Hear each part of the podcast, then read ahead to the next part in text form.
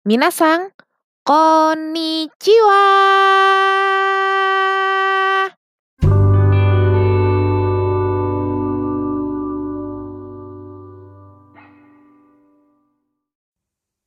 Selamat datang di podcast Pray for Japan. Kali ini kita mau ngebahas soal hikikomori. Hikikomori ini apa sih? Mungkin buat teman-teman yang belum tahu, di Jepang itu ada fenomena di mana orang-orang menarik diri dari lingkungan sosial dalam jangka waktu yang lama, bisa sampai enam bulan, satu tahun, bahkan bertahun-tahun mengurung diri aja di kamar. Nah, itu yang namanya hiko, hikikomori, teman-teman. Nah, di tahun 2005, pemerintah itu merilis jumlah hikikomori itu sebanyak 540 ribu orang. Wah, banyak juga ya teman-teman ya. Gak kebayang ya 540 ribu orang ini hikikomori hikikomori itu pasti dengan depresi teman-teman. Karena hikikomori itu efek dari depresi sebenarnya. Kelanjutannya depresi mereka akhirnya jadi mengurung diri gitu. Ya sebagai orang yang bergumul dengan depresi kebayang lah sakitnya tuh seperti apa gitu ya. Terus mereka mengurung diri gitu kan. Wah, itu sakit banget ya, teman-teman. Aku juga waktu riset soal hikikomori ini kayak wah, sakit banget ya. Sakit banget orang ngalamin hikiko, hikikomori gitu kan. Wah, ini benar-benar kita perlu doakan ya, teman-teman. Nah, diperkirakan pada tahun 2030 hikikomori akan menjadi masalah besar Kenapa? Karena pada tahun itu Jepang akan mencapai puncak aging kultur gitu ya, aging society. Ketika orang-orang menginjak umur 60-an, itu biasa kan udah nggak ada keluarga lagi yang bisa menopang kondisi sehari-hari mereka. Ketika mereka mengalami hikikomori, ini akan jadi masalah karena mereka ya nggak ada yang taking care gitu ya. Ini akan menjadi satu masalah besar sih bagi pemerintah. Terus ya kalau ditanya ya kenapa sih orang bisa mengalami hikikomori? Kenapa fenomena hikikomori ini bisa muncul di Jepang?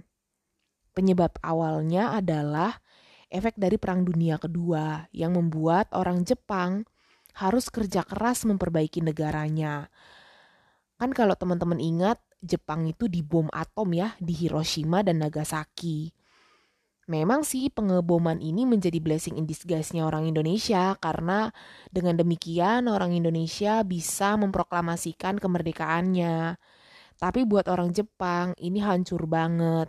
Kalau teman-teman mungkin nonton videonya Nihongo Mantapu, itu kan mereka pernah pergi ke museumnya bom atom Hiroshima gitu.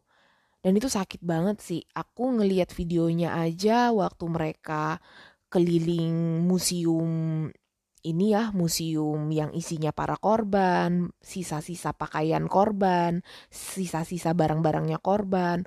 Ngelihatnya itu sakit gitu ya, karena kita tahu di balik itu semua adalah jiwa-jiwa yang kita juga nggak tahu apa mereka sempat kenal Tuhan apa enggak gitu kan. Nah, balik lagi ke hikikomori gitu ya. Jadi gara-gara perang dunia ini kan Jepang harus kerja keras ya memperbaiki negerinya. Tapi kemudian kerja keras ini menimbulkan gap antar generasi. Jadi orang-orang muda menganggap generasi tuanya itu miskin imajinasi, nggak kreatif, dan sulit beradaptasi dengan zaman yang baru. Sementara generasi tuanya juga menganggap generasi muda itu anak-anak yang lembek dan gampang nyerah gitulah, nggak fight gitu. Hikikomori ini juga dialami oleh anak-anak muda, teman-teman. Jadi penyebab dari hikikomori untuk anak muda gitu ya. Ternyata mereka banyak mendapat tekanan dari orang tua.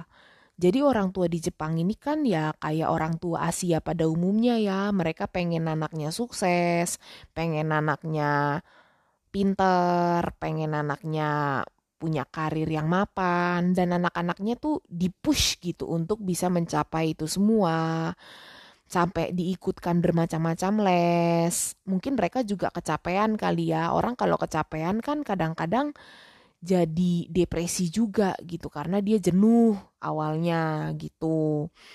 Terus belum lagi mereka juga punya beban untuk jadi panutan bagi adik-adiknya.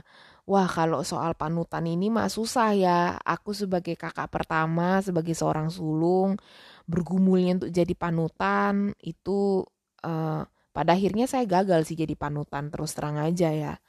Justru kalau aku lihat justru adikku yang lebih banyak jadi panutan dibanding aku gitu.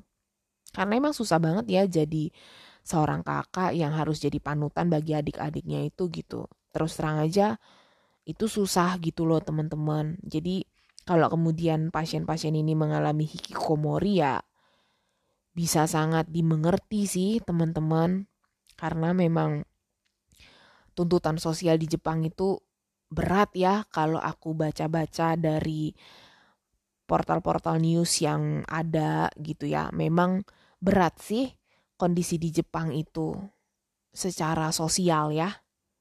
Gitu. Nah, ada nggak sih sebenarnya upaya untuk menyelesaikan hikikomori ini? Ada. Jadi, ada seseorang namanya Noki Futagami. Dia membuat satu organisasi non-profit namanya New Start. Cara kerjanya adalah mereka menyediakan teman yang disebut rental sister. Teman ini akan datang ke rumah pasien, membangun hubungan dengan pasien lewat awalnya sih bangun hubungannya lewat surat dulu ya, telepon gitu. Terus lama-lama nanti uh, kalau pasiennya ngerasa apa ya, ngerasa trust gitu, akhirnya mereka masuk ke rumah pasiennya, ngobrol dengan pasiennya dan menjadi teman. So far sampai 2018 mereka memulai itu udah satu dekade lebih ya. Itu ada 50-an orang yang sudah lepas dari hikikomori. Ini juga perlu disyukuri teman-teman ya. Jadi uh, ya kalau aku sih melihat ini juga sesuatu yang harus kita syukuri dengan adanya inisiasi dari orang-orang Jepang untuk menyelesaikan masalah di dalam bangsanya, terutama memang masalah sosial gitu ya. Nah, kalau aku merefleksikan hasil riset ala-ala ini ya, sebenarnya hikikomori ini banyak diselesaikan dengan persahabatan yang otentik gitu. Jadi ini sebenarnya opportunity yang baik ya buat orang-orang Jepang Kristen untuk menjadi teman dengan perspektif pemberitaan Injil dengan perspektif discipling the nation through authentic friendship gitu ya. Jadi mari kita berdoa buat eh, orang-orang uh, yang memang melayani di Jepang, buat orang-orang Jepang yang sudah Kristen, biar mereka bisa menjadi sahabat yang otentik bagi orang-orang yang bergumul dengan hikikomori sehingga mereka boleh kita nggak nggak batasin pekerjaan Tuhan ya lewat hikikomori pun kita percaya Tuhan bisa bekerja demi kemuliaannya. Jadi berharap orang-orang yang mengalami hikikomori ini lewat persahabatan dengan orang Kristen itu bisa menemukan Kristus dan hidupnya boleh dipulihkan.